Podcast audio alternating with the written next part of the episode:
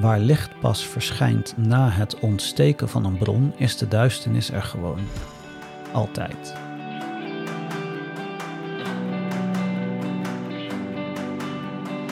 Welkom. Je luistert nu naar de achtste aflevering van de Vrijmetselaars Podcast. In deze podcast interview ik elke aflevering een vrijmetselaar om samen met jou, de luisteraar, antwoorden te vinden op vragen over de vrijmetselarij. Op deze manier hoop ik een helder beeld te scheppen wat de vrijmetselarij nu werkelijk is en wat het niet is.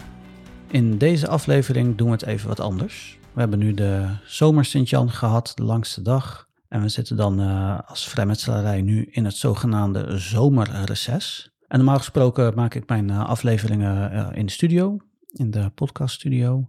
En nu zit ik aan de keukentafel. Dus we maken er gewoon even een totaal andere uh, aflevering van. Ik heb ook geen gast. Ik ben zelf de gast, zou je kunnen zeggen. Ik heb namelijk voor het augustusnummer van het tijdschrift De Vrijmetselaar, dat is ook het profane nummer, heb ik een stukje geschreven um, over de lichtsymboliek. En zoals uh, sommigen van jullie wel weten, heeft de vrijmetselarij een bouwsymboliek, maar naast de bouwsymboliek hanteren we ook uh, de lichtsymboliek. En de redacteur had gevraagd of mensen een stukje in wilden sturen. Dat heb ik gedaan, vond ik wel leuk. En ik dacht dat is wel iets om nu um, aan jullie voor te lezen, omdat waar ik het eigenlijk over wil hebben, is het opvoeren van een bouwstuk. In de afgelopen afleveringen hebben we het daar al wel vaker over gehad. Het is vaak ter sprake gekomen. Um, ik weet niet, kijk, als er vrijmetselaars luisteren, die weten dan wel waar het over gaat, maar misschien dat voor profane, uh, oftewel niet-vrijmetselaars, is het nog een beetje onduidelijk wat is een bouwstuk nu eigenlijk. En ik dacht, door middel van dat stukje wat ik heb geschreven over de lichtsymboliek voor het profane nummer van uh, tijdschrift de Vrijmetselaar, kan je, dus zou het eigenlijk kunnen behandelen als een soort mini-bouwstukje. Een bouwstuk gemiddeld duurt, nou ja, wat zou je zeggen, ergens tussen de 20 en de 40 minuten. Dit is zijn maar 250 woorden, dus dit zal maar heel even duren. Maar dan heb je een beetje een idee inhoudelijk wat een bouwstuk is en waar een bouwstuk over zou kunnen gaan. Um, ja, wat, wat is een bouwstuk eigenlijk? Ik heb de vraag uh, gegoogeld en uh, dit kwam eigenlijk uh, naar voren op de site van Loge de Friese Trouw. Die zegt, een bouwstuk is een lezing over een bepaald cultureel, maatschappelijk, wetenschappelijk of filosofisch thema volgens de visie van de spreker. Belangrijk is dat de bouwer, slechts zijn eigen visie weergeeft zonder daarmee de toehoorders van zijn gelijk te willen overtuigen. Hij voorziet in stof die tot nadenken stemt. Hij grossiert niet in dwingend gebrachte feiten. De lezing, al dan niet visueel ondersteund, verrijkt de toehoorders en geeft hen inzichten die ze daarvoor nog niet hadden of minder duidelijk aanwezig waren. Even kijken hoor, Loge de Veluwe heeft op zijn site staan een bouwstuk is in feite een korte lezing of inleiding die een lid van de loge heeft voorbereid. Meestal zal hij hiervoor worden uitgenodigd, maar hij doet dit altijd op vrijwillige basis. Zijn bouwstuk zal vrijwel altijd gaan over een onderwerp dat een raakvlak heeft met het gedachtegoed van de vrijmetselarij. Dit kan op maatschappelijk of spiritueel gebied of een ander onderwerp waar de inleider zich in heeft verdiept en dit wil delen met zijn medebroeders. Maar het kan ook een persoonlijk betoog zijn over zijn ervaringen in de vrijmetselarij of in het leven in het algemeen. En het woordenboek geeft aan: een uh, bouwstuk is een voordracht door een redenaar van een loge, een voordracht of geschrift geschikt om tot het doel van de orde bij te dragen. Wat me opvalt is dat het vaak, of eigenlijk altijd, is het een, een voordracht of een geschrift en ik vind eigenlijk dat een bouwstuk meer kan zijn dan dat. Um, kijk, een, een voordracht, uh, textueel, is natuurlijk wel het meest voor de hand liggend. Maar wat mij betreft kan een, kan een bouwstuk eigenlijk alles zijn. Een bouwstuk kan ook, het kan ook een dans zijn, bijvoorbeeld. Het kan een film zijn. Um, het kan eigenlijk, het kan ook een schilderij zijn. Het kan eigenlijk elke uitingsvorm zijn die komt vanuit, vanuit de intrinsieke motivatie van de spreker. Dat zul je niet vaak tegenkomen. De ene broeder is gewoon beter met woorden. En de ander is beter met beelden of met, met audio of met, zoals ik al zei, dans. Dus wat mij betreft kan, dat is niet een hele gangbare uh, opvatting, denk ik. Maar een bouwstuk kan wat mij betreft meer zijn dan alleen tekst en spraak. Ja, je kan gewoon niet van iedereen verwachten dat hij goed is met woorden of met tekst of wat dan ook. Dus er zijn wat mij betreft vele manieren om een bouwstuk te houden. Alleen, ja, dat is niet, uh, niet het meest gangbare. Dat kleine bouwstukje wat ik heb geschreven voor het tijdschrift. Ik zal het gaan, uh, gaan voordragen. Ik hou ervan om verhalend te schrijven. Uh, dat vind ik leuk. Um, is een soort, brengt dan een concept en daar ga ik dan uh, aan werken. En vanuit dat concept komt de tekst. Ik zal aan het eind zal ik nog een beetje uitleggen wat ik er dan precies mee bedoel. Daar komt die lichtsymboliek, gaat het over. Als ik in de ruimte om mij heen kijk, is de duisternis alom vertegenwoordigd. De duisternis is het uitgangspunt, het beginpunt. Duisternis heeft, in tegenstelling tot licht, geen bron nodig. Waar licht pas verschijnt na het ontsteken van een bron, is de duisternis er gewoon. Altijd. Ik hou me eraan vast omdat het mij zekerheid biedt. Zekerheid. Geen geruststelling, geen richting, en zeker geen vooruitgang. Het is te donker om te lopen, te donker om verder te komen. In het duister voel ik me onbeschermd en komen mijn problemen zo dichtbij dat ik hun zware adem kan voelen. Zo dichtbij dat ik verstijf van angst en niet meer kan vluchten of bewegen. En toch, om verder te komen in het duister, zal ik het moeten accepteren, het moeten omarmen. Ik zal op zoek gaan naar mijn diepste duisternis, mijn donkerste steen. Die zal ik moeten omkeren en dan pas kan ik vooruit, vooruit naar het licht. Want zoeken doe ik in het duister, vinden in het licht. Lichter leven begint in de duisternis. De duisternis is slechts het vertrekpunt. Het licht is de bestemming. Maar ik ga niet met oogkleppen op pad, zoals een mot aangetrokken wordt door licht, of het nou een lamp is of een vlam.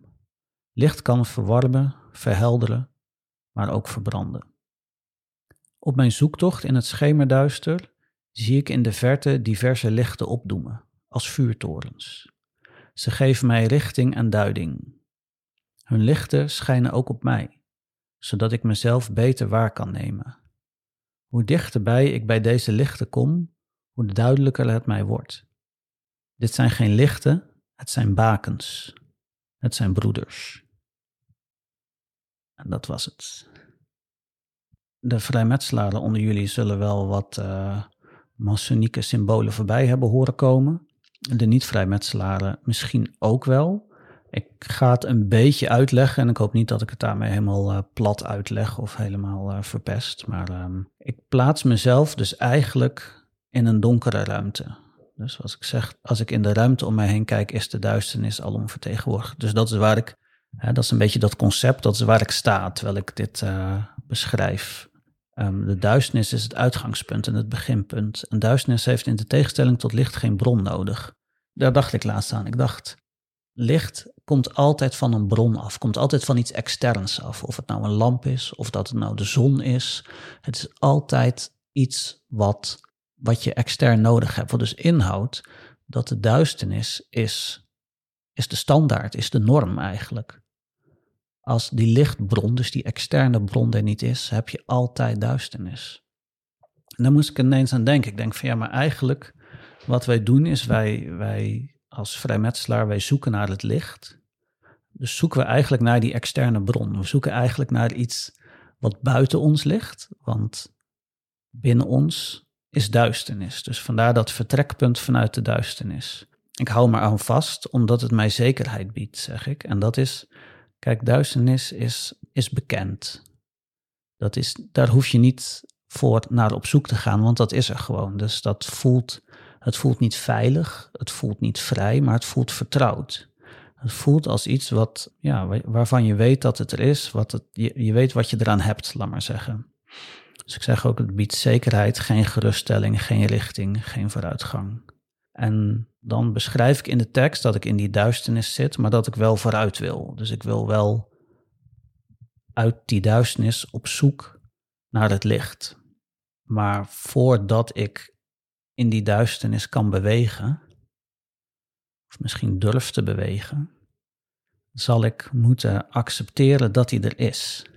Ik denk dat dat eigenlijk de eerste stap is. Dus de duisternis om je heen, of dat nou de, extern of intern is, die zal je moeten accepteren. Je zal moeten, ehm, je zal voor jezelf moeten aanvaarden dat die duisternis er is. En als je dat aanvaard hebt, dat is, en dat is natuurlijk een gigantische stap voordat je dat aanvaard hebt.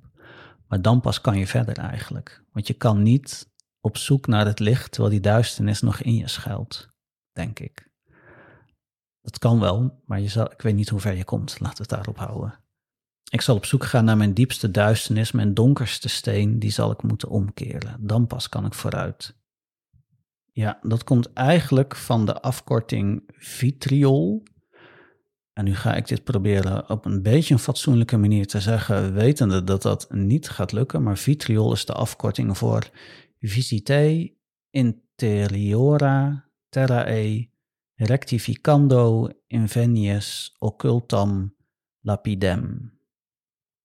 Heel vrij vertaald is dat: ga in het diepste der aarde op zoek naar de donkerste steen. En heel vrij vertaald is dat eigenlijk ken u zelf. En ken u zelf is natuurlijk, nou, ik zou bijna zeggen, het motto van de vrijmetselarij. Dus dat is wat ik ook zeg in die tekst van, ik, je moet op zoek naar die diepste duisternis, naar die donkerste steen. En die zou eigenlijk om moeten keren om te zien wat daar weer onder ligt. En dan, ja, dan ben je er en dan kan je vooruit, vooruit naar het licht. Want zoeken doe ik in het duister, vinden in het licht. Lichter leven begint in de duisternis. De duisternis is het vertrekpunt, het licht is de bestemming. Nou ja, dat geeft, uh, geeft het pad aan hè, dat je, waar, je, waar je heen wil. Uh, maar ik ga niet met oogkleppen op pad zoals een mot aangetrokken wordt door licht. Of het nou een lamp is of een vlam. Want dat is natuurlijk, kijk, je kan zeggen ik ga richting het licht. Um, ik ga op zoek naar het licht en zodra ik het zie, duik ik erop af. Maar ja, je moet nog steeds wel logisch na blijven denken. Want zal, als een mot natuurlijk ook op licht afkomt, of om een lamp blijft cirkelen of wat dan ook. Zo kan je als mens ook denken het licht gevonden te hebben. Um, maar dat hoeft niet het juiste licht te zijn. Dus vandaar niet die oogklep. Het is niet van, oh, ik zoek puur het licht en ik zal alles wat er verder op mijn pad komt links laten liggen. En ik ga gewoon recht op mijn doel af. En op zich is het natuurlijk goed om recht op je doel af te gaan. Maar je moet wel weten, is dat doel wel daadwerkelijk het doel wat ik zoek? Of is het een, een doel wat, of een bestemming die niet de juiste blijkt te zijn? Dat zou natuurlijk best wel zonde van de moeite zijn. Als je er uiteindelijk bent en je blijkt bij een vlam uitgekomen te zijn in plaats van het, uh, het echte licht. Dus vandaar die vergelijking met die mot en die oogkleppen van, weet je het is, je moet wel na blijven denken. Licht kan verwarmen, verhelderen, maar ook verbranden. Op mijn zoektocht in het schemerduister zie ik in de verte diverse lichten opdoemen.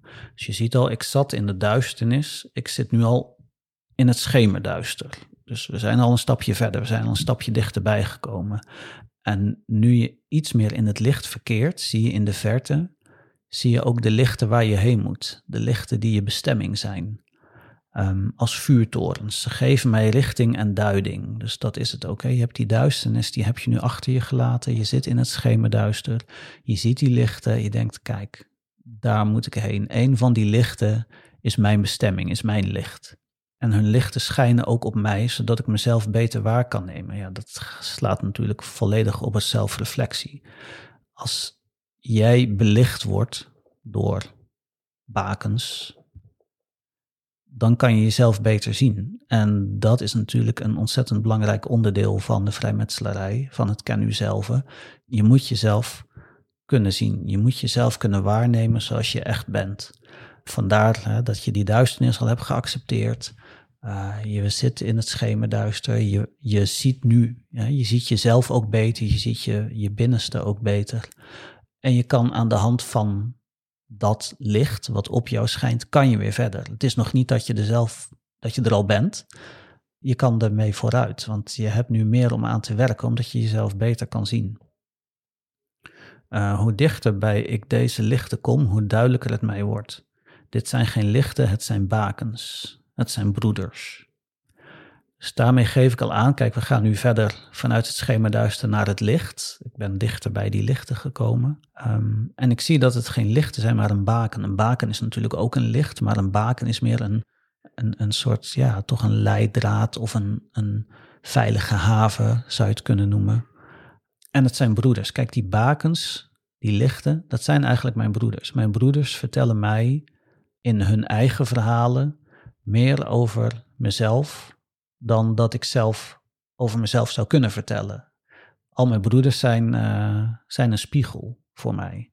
Jan Pieter zei dat in aflevering 2 ook heel mooi. Die quote heb ik ook aan het begin gebruikt, omdat het echt, ik vind het een hele supersterke quote. Hij zegt: Wat zit er in hem dat ook in mij zit, dat ik hem zo'n hufter vind? En dat, ja, dat is gewoon prachtig. Je, je ziet iemand en je vindt iets van die persoon. Maar wat zit er in jou dat je dat van hem vindt? En dat is ook met je broeders. Zij spiegelen jou, maar jij spiegelt ook hun. En dat, ja, dat zijn voor mij misschien wel de, de grote lichten, laat maar zeggen, de broeders. Um, dus vandaar, om, om dit nu af te ronden, eigenlijk vandaar dit uh, verhaaltje over lichtsymboliek. En nogmaals, ik hoop dat de, de profane luisteraar, dus de niet-vrijmetselaar en ook de profane lezer, als, um, als die het tijdschrift lezen, zullen misschien niet de masonieke symboliek er per se uithalen, maar hopelijk wel uh, is het een goede vertaling voor wat de vrijmetselarij en wat de lichtsymboliek voor mij betekent. En nu we toch lekker aan het lezen en wat dan ook zijn. Ik heb een tijd geleden, ik denk dat het zo'n drie jaar geleden was, heb ik een gedicht gehoord. En heel veel mensen zullen dat gedicht misschien wel kennen. En dat is van uh, Kipling. Het is het gedicht If.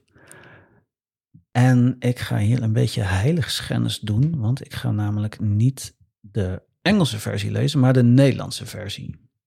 Ik ben kwijt wie het vertaald heeft. Dus dat is natuurlijk niet best, maar ik uh, kan er gewoon niet meer achter komen. En het, uh, Kipling was ook een vrijmetselaar en dit gedicht vind ik zo'n ontzettend mooi gedicht. Um, ik zal het in de show notes zetten, net als dat tekstje wat ik net heb gelezen. Ik hoop dat het er allemaal in past. Ik weet niet hoeveel uh, letters je, of hoeveel regels je er precies in kwijt kan, maar we gaan het gewoon proberen.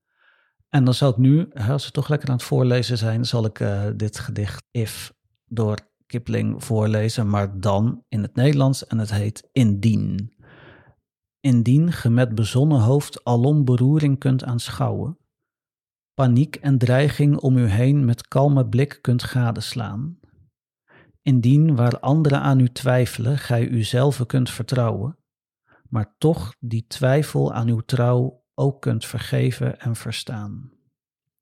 Indien ge wachten kunt, het juiste tijdstip met geduld verbreiden, en als lastertong u treft, gij laster slechts met waarheid keert. Indien vervolg door haat ge tot geen wrokgevoel u laat verleiden, en daarbij nimmer met uw deugdzaamheid of wijsheid paradeert.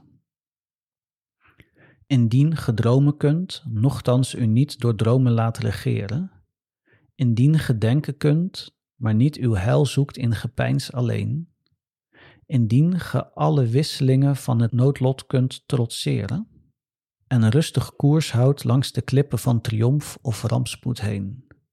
Indien ge kunt verduren dat een schelm het woord door u gesproken, verdraait, vervalst en dan voor goede munt verkwanselt aan een zot.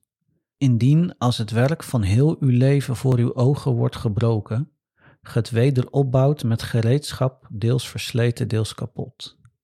Indien ge met fondsen door uw vlijt en spaarzaamheid verkregen, een bod naar rijkdom hebt gedaan, een sprong gewaagd naar meer gewin, en het mislukt, en al uw leed hebt ge voor ieder verzwegen. Uw hand grijpt weer de ploeg en ge begint opnieuw bij het begin. Indien ge, als het moet, uw zinnen en uw zenuwen kunt dwingen, uw doel te dienen, ook al ging hun energie lang reeds te loor opdat ge nog één laatste ruk aan hun vermogens kunt ontwringen, waaruit ge onverwachte wilskracht put voor het bevel zet door. Indien ge met de menigte, maar ook met vorsten kunt verkeren, moreel en geestelijk de kern van beide in uw hart omvat, indien welmenend vriend nog fel verbitterd vijand u kan deren, indien een ieder voor u meetelt, maar ge niemand overschat. Indien ge nooit een kostbare minuut onnuttig laat verlopen, maar elke vliedend seconde naarstig arbeid aan uw plan. Dan ligt de weg naar vrede, voorspoed en voldoening voor u open. En wat oneindig meer betekent, dan mijn zoon, zijt ge een man.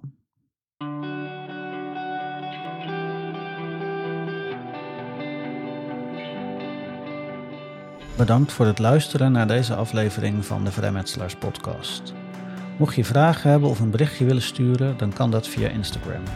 Zoek op Vrijmetselaars podcast en stuur me een bericht of stuur me een mailtje op sander@outcastmedia.nl.